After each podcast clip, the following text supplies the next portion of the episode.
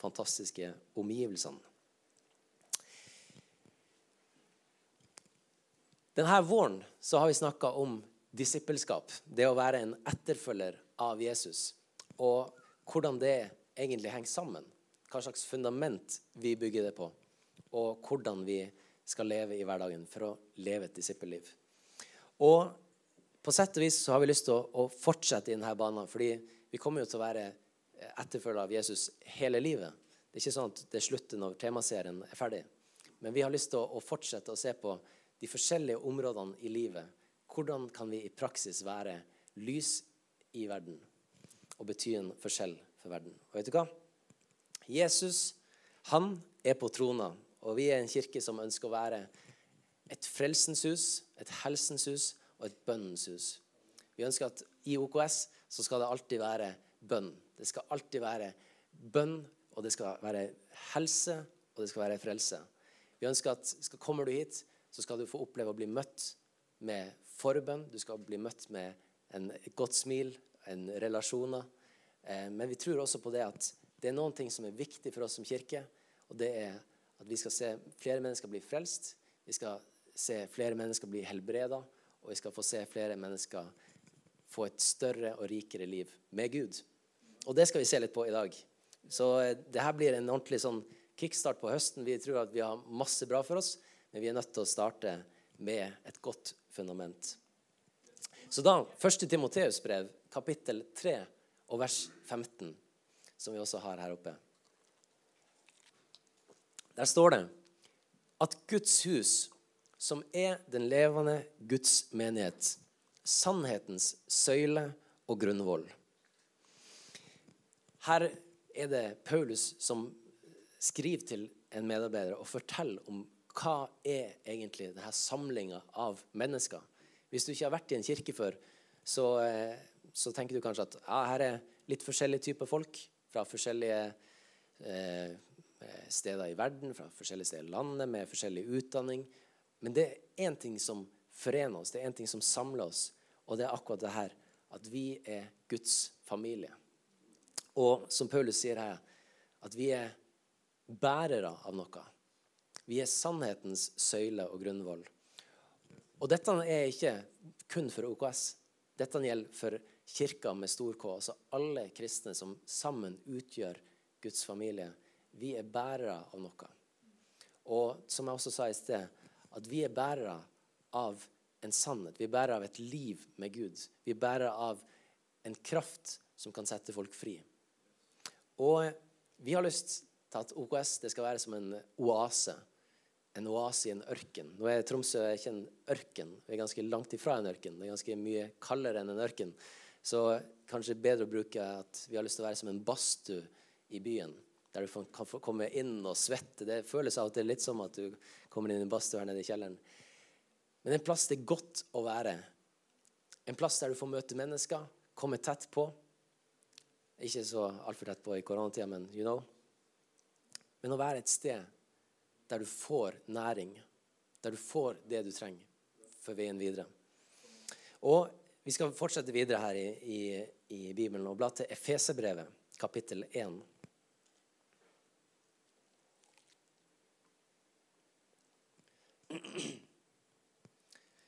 Alt la han under hans føtter, og ham, Jesus, hodet over alle ting, ga han til kirken som en Kristi kropp, fylt av ham som fyller alt i alle. Jesus, som er hodet over alle ting, ble gitt til kirka. Kirka som er kroppen. Vi som er Jesus sine hender og føtter på jorda i dag. Vet du hva? Vi har et mandat og vi har en autoritet som menighet. Det er sånn at det er ikke bare en, en syklubb der vi kommer sammen og gjør ting som vi er glad i. Vi er, jeg er veldig glad i musikk. Jeg er veldig glad i live musikk. Veldig glad i konserter. Og det å komme hit og få lov til å være med med live musikk og synge jeg, jeg elsker det. Men det er ikke bare det.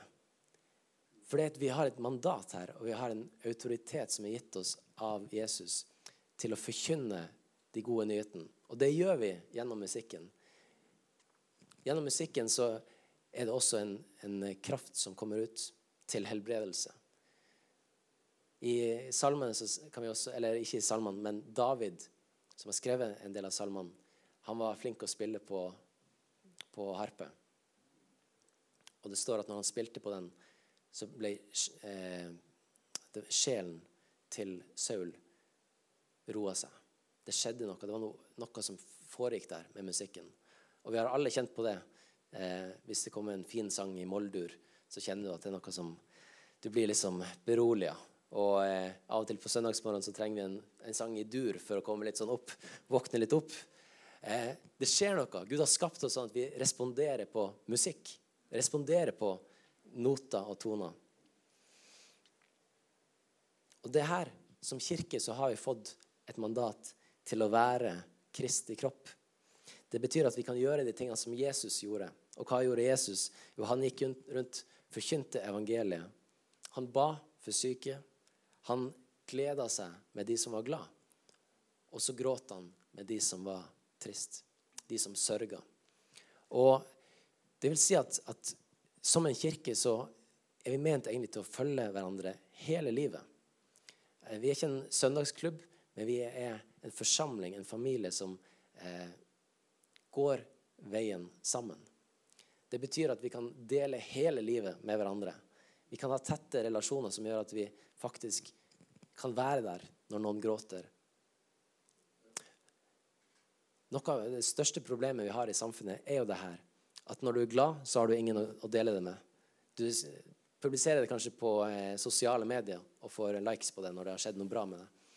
Men den gleden av å ha noen rundt deg som du kan juble med når det skjer bra ting, eller på andre sida av livet, det å ha noen som kan trøste noen som kan gi deg en klem når det skjer fæle ting i livet ditt. Der er kirka ment til å være. Der er vi som familie, som folk, ment til å være. Yes, Efeserbrevet kapittel 2. Hør på det her. Derfor er du ikke lenger fremmed og utlending. Nei, dere er de helliges medborgere og Guds familie. Dere er bygd opp på apostlenes og profetens grunnvoll, med Kristus Jesus selv som hjørnestein. Han, altså Jesus, holder hele bygninga sammen, så den vokser til et hellig tempel i Herren. Og i ham blir også dere bygd opp til en bolig for Gud i ånden. Så det her, dette er liksom Det kan fort bli litt sånn poetisk og, og litt høyt oppe der. Men tenk på det her, tygg på det her, at vi som kirke, vi er en bolig for Gud. Som jeg sa tidligere når vi ba også, at, at Guds ånd tar bolig her når vi møtes. Ikke fordi vi er i dette lokalet. Hadde vi møttes ute på parkeringsplassen, så hadde det vært akkurat det samme. Men der vi kommer sammen, så er Guds ånd midt iblant oss. Og når vi skal snakke mer denne høsten om hvordan dette ser ut i forskjellige deler av livet vårt, så er det viktig å huske på det her at det er med riktig fundament vi går videre. Eh, I vår snakker vi om at du må ha en, et fundament av nåde og rettferdighet før du begynner å snakke om alle måter du skal leve ut livet ditt på. Jeg vet ikke om du har lest eh, De ti bud, f.eks. Og så tenker du at ja, de ti bud de har jeg hørt om. De skal jeg klare å følge. Og så har du eh, hørt andre gode regler fra, fra, foreldrene dine kanskje, eller fra presten. eller Du har fått med deg noen sånn og sånn skal jeg leve. Det og det bør jeg ikke gjøre. Og det er bra. Men hvis du ikke har et fundament der du forstår at Guds nåde og rettferdighet er gitt til deg, og det er det som er fundamentet i livet, så vil du, når du lever ut på, riktig måte, da, når du gjør de rette tingene Den dagen du slutter å gjøre de riktige tingene, da, så vil du egentlig falle helt til bunns, og huset raser sammen. Fordi du ikke har et fundament av nåde og rettferdighet. Det er det tristeste. Det er når, når kristne glemmer av hva fundamentet er. Når det blir regelryttere og politimenn som peker finger, og glemmer av at vi har et fundament av nåde og rettferdighet. Men folkens, vi må ikke gå over på helt andre sida og tenke at ja, men siden vi har et fundament av nåde og rettferdighet, ja, men da, folkens, da sletter vi ut alle regler, alle, alle bud, alle ting. Fordi vi har jo et fundament av nåde. Pastoren sa det var frihet. Come on. Gud har en plan for oss. Gud har en måte for oss å leve livet vårt som er god, som er godt for oss, som er ment for å beskytte oss. Og de tingene har vi lyst til å pakke ut, men med fundamentet av at ja, vi er syndere, vi kommer til å falle i synd. Men vet du hva? Det er en ny identitet i oss som heter at vi er rettferdige. Det vil si, vi kan synde, men vi er fortsatt rettferdige fordi vi reiser oss opp igjen. Og det er et viktig punkt å ta med seg. Så han holder hele bygninga sammen, så den vokser til et hellig tempel. Altså en plass som er hellig, som er ren, som er rett for Gud. OK. Nå eh, skal vi inn på et virkelig kjøttstykke her. I går så eh, var jeg i bryllup. Det har jeg sagt allerede. Og i bryllup så får du ofte en treretters. Du får en forrett som du blir sånn, den pirrer deg litt. Det er sånn, Du lurer på var det her alt. Var det her jeg skulle få i dag? Og Sånn sitter du kanskje og tenker akkurat nå. Ja, det her var litt sånn, det her var interessant. Vet du hva? Nå kommer vi til hovedretten. Og da trenger jeg at du slår opp i første Peters brev. Andre Peters brev. Det er der hovedretten i dag ligger. Dette er kjøttstykket som vi skal ta med oss hjem i dag. Ok? Hør på Peters ord her. Sett derfor all deres iver Ok, Er det noen som er ivrig her i dag? All deres iver? Uh! All deres iver. Å, kom an, der var litt iver. Jeg hadde en kompis en gang som het Iver. Ja, det er sant. Fin fyr. Men det er ikke han vi skal sette inn. Det er vår iver vi skal sette inn på å la troa vår føyes sammen med et rett liv. Av og til eh, når jeg har lest de her versene fordi jeg har lest de her versene ganske mye eh, det siste året, egentlig, så er det litt sånn at du skummer gjennom, og så kommer du fort til de her eh, punktene der han sier Rette liv med innsikt, innsikt, selvbeherskelse, selvbeherskelse, utholdenhet, utholdenhet, gudsfrykt, gudsfrykt, søskenkjærlighet, søskenkjærlighet, kjærlighet. Og du, når det blir sånne lister, så er det fort at du på en måte bare skummer gjennom. Det det er liksom når du ser en, en lang liste med ting, så bare Men her, vi må stoppe opp før vi kommer til lista der. Vi skal sette Altså med iver så skal vi prøve å føye sammen troa vår med et rett liv. En sånn nysgjerrighet etter å finne ut av OK, hva i mitt liv er det jeg trenger å forandre på? Er det noen ting i mitt liv jeg trenger å ta et oppgjør med? Jeg er en kristen. Men så lever jeg på den og den måten. Og det ser jeg at det er ikke en god vei for meg. Fordi hvis jeg fortsetter å gjøre det her gang etter gang etter gang, så går jeg ned en vei som jeg egentlig ikke har lyst til å gå. Og da dette, Jeg taler til meg sjøl i dag også. Dette med å være ivrig etter å finne ut av ja, men hva er, hva er det beste for meg. Hva er den beste veien for meg? Hva er, hva er Guds vilje for mitt liv? Og dette med å da være villig til å omvende seg. Villig til å si OK, dette har jeg gjort så langt i livet mitt. Men i dag så ser jeg at det er ikke det beste for meg å fortsette på den måten. Og da er det Altså, det er modent, og det er sterkt, det å da si Jeg omvender meg. Jeg går denne veien i stedet for. OK. Det var en, eh, en som heter Arild Sæter. Jeg tror det var han som sa det. Han får i hvert fall kred for det i dag.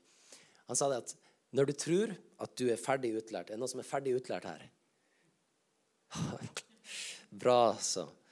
Når du tror at du er ferdig utlært, da er du ikke utlært, men du er ferdig. Den dagen du tenker at 'nå er jeg good', nå kan jeg alt, nå har jeg virkelig forstått det, da er du på farlig grunn. Han, han sa det her, eh, en bibelskolelærer, han sa det i forhold til det her med å være nysgjerrig på Guds ord. At vi kan komme til et punkt der vi har forstått Johannes 3, 16, at for så høyt har Gud elska verden at han ga sin sønn den eneste for at hver den som tror, ikke skal gå fortapt, men har evig liv. Check. Sånn. Da går jeg og lever livet mitt. Det fikk jeg med meg. Det husker jeg. Det kan jeg sitere. Men vet du hva? Det med å ha en sånn iver etter å lære, iver etter å komme dypere i livet med Gud, iver, iver etter å forstå mer av Guds hjerte. Det er kjempebra, og det er kjempespennende. Jeg tror livet blir mye mer interessant hvis man er litt nysgjerrig. Jeg tror, jeg, jeg tror vi, trenger, vi, trenger, som kirke å gå foran her i verden, i Tromsø by. Hvis du er ny i Tromsø, hjertelig velkommen på dette prosjektet. Nysgjerrighetsprosjektet 101. Det starter her. Vi trenger å være mer nysgjerrige, folkens. Vi er for late i å involvere oss i å spørre. Vi er fornøyd med det vi får servert. Vi trenger å spørre om hva er det vi får servert. Vi trenger å involvere oss. Jeg merker at de her feedene på eh, de sosiale mediene det gjør noe med, med, hodet mitt, det gjør noe med hjertet mitt. Det gjør at jeg bare er fornøyd med å, å scrolle og se ting. Det gjør noe med min eh, nysgjerrighet etter å finne ut av OK, jeg ser. Ja, den gifta seg. Like. Nei, kanskje et hjerte. ok. Ned. Fikk ny jobb. Like. Scrolle videre. Hvor er nysgjerrigheten etter å snakke med de her folkene? Etter å finne ut av hva som førte til de her tingene? Etter å invitere inn på middag? Etter å bli kjent med dem? Og samme nysgjerrighet overfor Guds ord, da? Er vi fornøyd med å ha sjekka av at vi husker Johannes 3,16? Eller har vi lyst til å finne ut av ja, men hva, hva mer har Gud for meg? Jeg tror vi trenger å gå foran både i forhold til Guds ord, men også generelt i verden. Vær nysgjerrig. Still mer spørsmål. Vi stiller altfor lite spørsmål, folkens. Er, jeg, jeg prater til meg sjøl. Jeg er vanvittig kjedelig. Du må stille mer spørsmål. Vi kan bli så, eh, så kjedelige av og til. Altså, det her blir mye hardere. Sorry. Men jeg tar, det, jeg tar det til meg sjøl. Du får ta med deg det som du har lyst til i dag. Men jeg tror vi trenger bare vekke opp en nysgjerrighet. Jeg elsker folk som er nysgjerrige. De spør. Når du sier noe, så spør de eh, videre. Og det er sånn Wow, det har jeg ikke tenkt på. Kanskje jeg skal tenke om igjen før jeg sier det som jeg sa. Fantastisk. Wow. Halleluja. Nysgjerrighet. Det var jo ikke det Peter skrev her, men det var det jeg sa.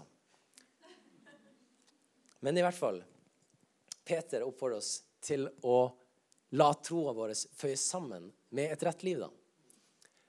Dette rette livet føyes sammen med innsikt, selvbeherskelse, utholdenhet, gudsfrykt, søskenkjærlighet og kjærlighet til alle sammen.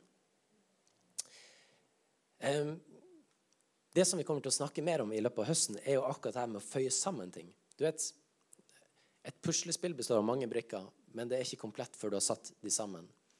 Livet vårt består av Man kan dele det opp i forskjellige typer arena eller sfære. eller Sfære er et såpass vanskelig ord at vi, at vi sikkert kommer til å bruke det, fordi det er litt artig. Men du har jobblivet ditt, utdanninga, du har familieliv, du har økonomi, du har eh, hobbyer, du har eh, kjærlighetsliv. Mange forskjellige deler av livet ditt. Og av og til kan man tenke at det er fint å holde alt adskilt. Familien min skal ikke vite om vennene mine. Vennene mine skal ikke vite om økonomien min. Økonomien min blir dessverre påvirka av kjærlighetslivet mitt. Eh, og mange av de her tingene de har liksom, Vi prøver å holde det litt sånn adskilt for å ha kontroll på ting. Men jeg tror det er sunt for oss å heller koble ting sammen. Det betyr ikke at familien din skal kjenne alle vennene dine. Det er ikke det jeg sier. Men det med at tanken vår er at jeg vil leve ett liv, sånn som jeg er med familien min. Jeg har lyst til å være den samme personen i, med vennene mine. Jeg har lyst til å behandle vennene mine sånn som jeg behandler pengene mine.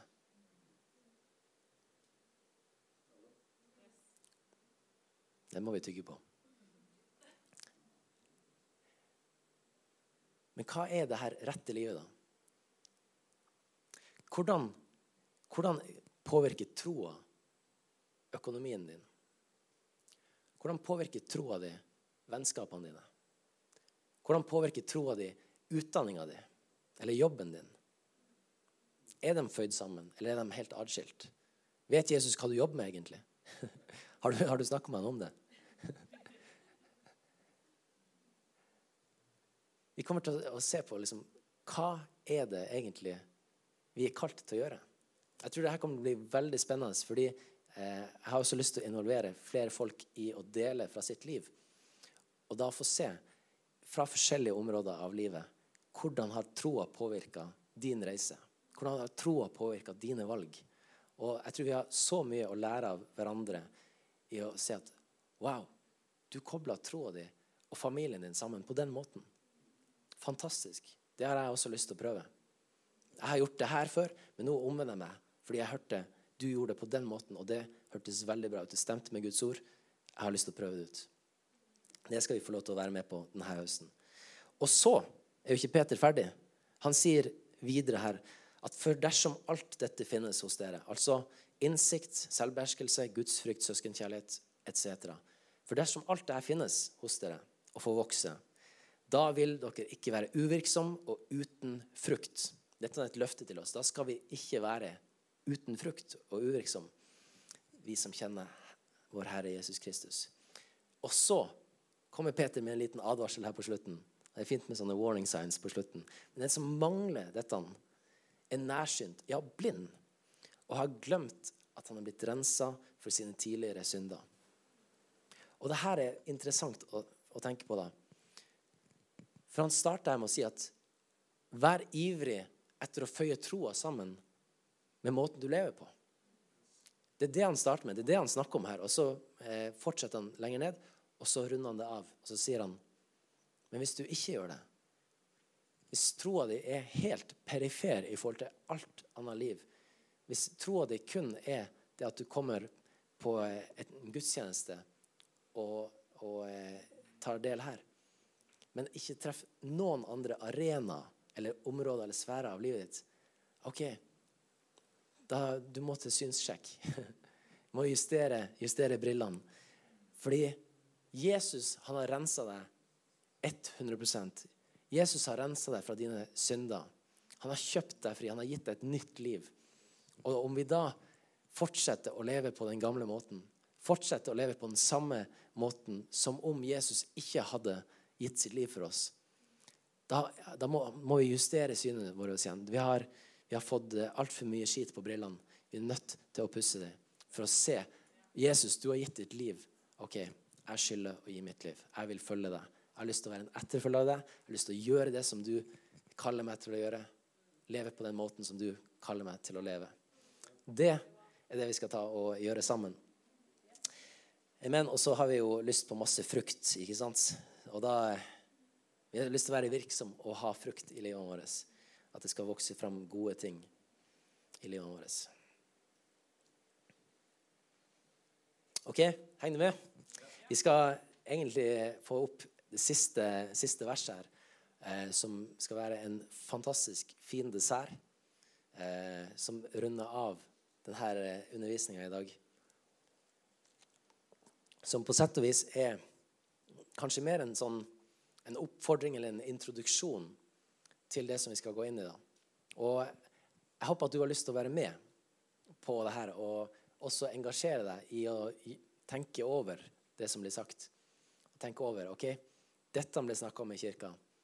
Hva betyr det her i mitt liv? Det er noe som eh, jeg tror vi kommer til å eh, alle sammen ha veldig godt av å gjøre.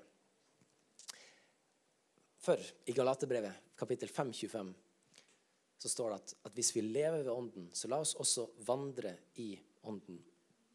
Det betyr ikke at du skal vandre i søvne, men vandre her Det som egentlig en bedre oversettelse ville vært så la oss også justere på en måte gangen vår. Fordi det handler om eh, å gå på en rett linje. Du vet eh, Hvis du har sett sånne Nattpatruljen og sånne program der de stopper fyllekjørere, så får de dem til å gå på en sånn rett planke for å se om de, om de virkelig er edru. Så kan du si at det kan av og til være utfordrende å gå på en rett planke. Hvis du har prøvd å gå på en tynn planke over et dypt juv, så merker du at det skjer noe inni deg, og det blir vanskelig å gå på en rett vei. Men det er egentlig det vi er kalt å være vandre på den måten i ånden. At hvis det er noe som kommer i veien, noe vi har, tar inn i livet vårt, som gjør det vanskelig å gå på den veien som Guds ånd kaller oss, så er det noe vi er nødt til å ta et oppgjør med. Hvis vi fyller oss med ting som gjør at Guds vei blir umulig for oss å gå på, da er vi nødt til å stoppe opp og tenke ok, hva er det jeg tar til meg? Hva er det jeg fyller livet mitt med? Hva slags tanker er det jeg har i sinnet mitt? Hvis, hvis du ikke klarer å, å, gå på denne planken over det juvet fordi tankene dine er så oppsatt på alt det som er rundt Du tenker du tenker på at det er frukt som fyller deg når du står der.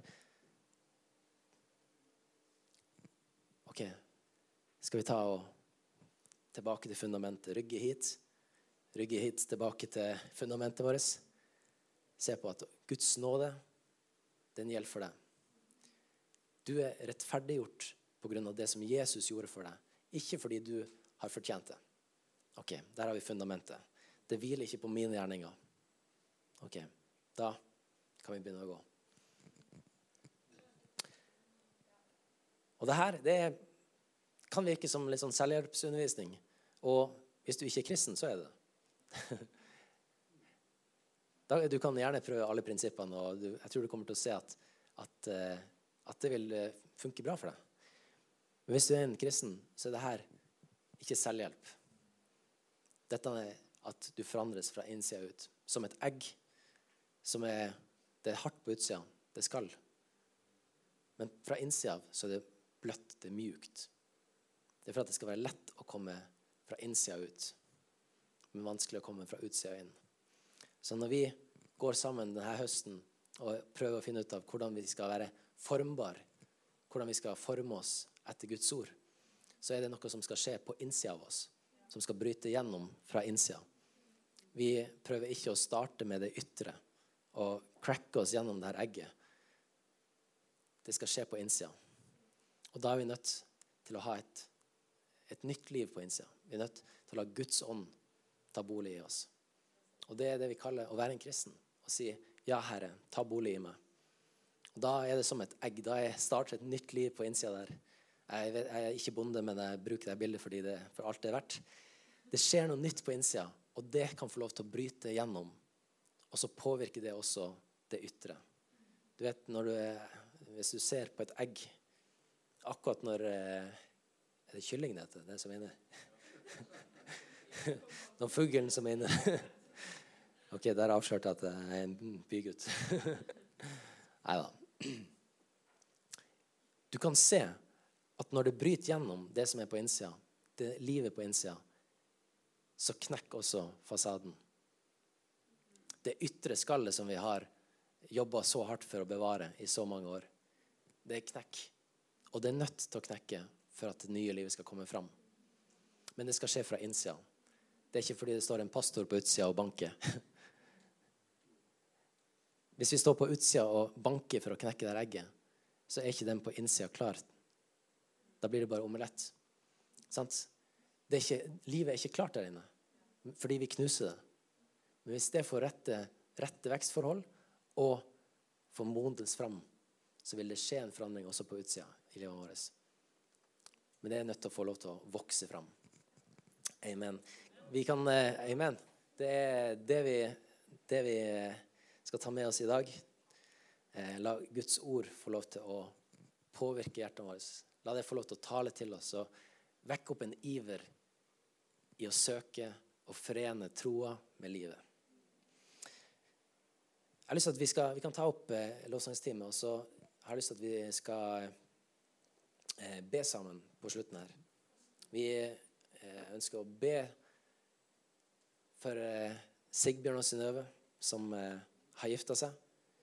Det er også eh, Joshua her i kirka og kona de har fått et nytt barn. En ny baby. De kunne dessverre ikke komme her i dag. Men, eh, men det skjer mye spennende iblant oss. Det skjer mye bra. Og eh, nye folk som kommer til, og nytt liv som kommer fram. Og vårt ansvar da som kirke, det er å være med og be for det, velsigne det backe det opp og tale liv og tro og håp inn i det. Og eh, Hvis du er her i dag og ikke har tatt et valg om å følge Jesus, så kan du også få gjøre det akkurat her og nå. Vi kan ta og reise oss opp. Og hvis det er noe av det som jeg delte i dag, dette med at det skal komme et nytt liv på innsida. Dette egget der det, du har kanskje prøvd å oppføre deg som en kristen i alle år uten å ha det her livet på innsida. Hvis du har lyst til å ta imot det akkurat her og nå, så inviterer jeg deg til å løfte opp armen din her og nå. Det vi er, vi er familie her. Og det som Jesus har gjort, det er tilgjengelig for hver og en.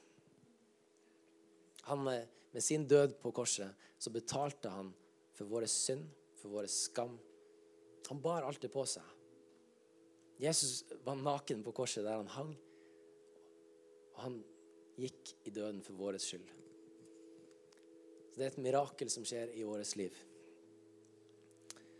Så mens vi står her nå og, og ber sammen, så hvis det er deg, så skal du bare frimodig få lov til å løfte handa di, og så vil jeg også be for deg herifra. Så men vi kan bare alle sammen lukke øynene våre og, og starte å takke Gud sammen. Så skal vi også synge en sang her til avslutning, men, men bare vær frimodig og legg fram i bønn det som du har på hjertet ditt for denne høsten. Om det er ting som du lengter etter, ting som du ønsker å se, mennesker som du ønsker å, å å ha kontakt med og få inn i livet ditt. Ting som du ser trengs forandringer i familierelasjoner. La oss legge de framfor Gud akkurat her og nå. Takk, Jesus. Takk, Jesus, at du er god. Takk, Jesus, at du er vår frelser. Takk for ditt liv, Herre. Takk for ditt blod som rant, som har rensa oss, som har gjort oss fri, Herre. Og takk at du skaper en, en forandring i oss fra innsida ut, Herre. Takk for din ånd som skaper nytt liv i oss, Herre. Og Herre, vi ønsker å søke deg med iver. Vi ønsker å, være et folk som ivrer etter å gjøre det som er rett, Herre. Ivrer etter å leve sånn som du kaller oss, Herre. Og takk at du gir oss gode hjerter, åpne hjerter, som er god jord til det som er ditt ord. At ditt ord skal få sås inn i god jord, at det skal få vokse fram, Herre. Vi ber som kirke for Sigbjørn og Synnøve, Herre. Ber om din velsignelse over deres liv. Takk deg, Herre, for det valget de har tatt om å gifte seg, Herre. Og ber om at de skal oppleve en rik velsignelse, Herre. At de skal få lov til å bli bedre kjent med deg, Herre, gjennom at de er to sammen, Herre. Takk deg, Herre, for Joshua, kona og familien og barna, Herre. Nyfødte. Ber om din beskyttelse over det livet, Herre. Takk deg for at du har skapt et nytt liv, Herre. Og vi ber Herre om at de skal få oppleve en virkelig glede og velsignelse av dette nye barnet. I Jesu Kristi navn. I Jesu navn.